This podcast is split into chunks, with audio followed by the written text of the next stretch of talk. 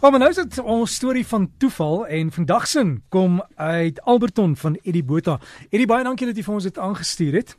En dit gaan oor die winter van 'n van 'n lang tyd gelede in Woester en die berge rondom die dorp het wit gelê van die sneeu. En Eddie sê oorkant hom het Tannie Venter gesit.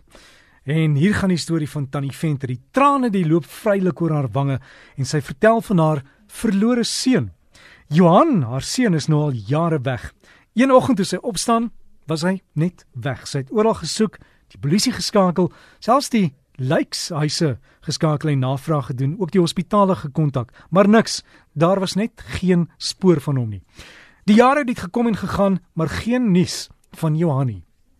Dominee, as ek hom net nog een keer kan vashou, het sy gesê en haar skouers het geruk soos hy snik.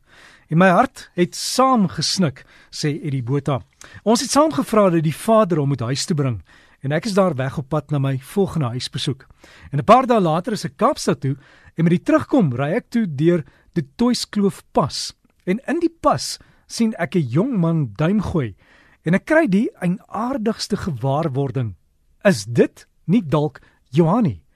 Ek het glad nie geweet hoe Johan lyk nie, maar dit was net asof iets hier binne my gesê het: "Stop en laai die jong man op. Dit is dalk Johan." Toe ek stil aan hom oplaai, stel hy homself voor en sê: "Hallo, ek is Johan Venter."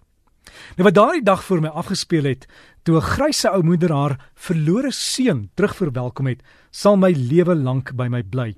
'n Moeder en seun in mekaar se arms en trane wat vloei. Dit was jare se hartseer en verlange wat soos 'n damwal gebreek het en al die seer wegspoel. My seun, jy het huis toe gekom het sy gesê. En toe ek self betraand daar wegry, besef ek dat dit nie alles toevallig was nie. Toe ek en Johan daar mekaar ontmoet in die Toyskloof pas, toevallig in ons albei se lewe in. En ek sê dit weer, toeval lig in ons albei se lewe.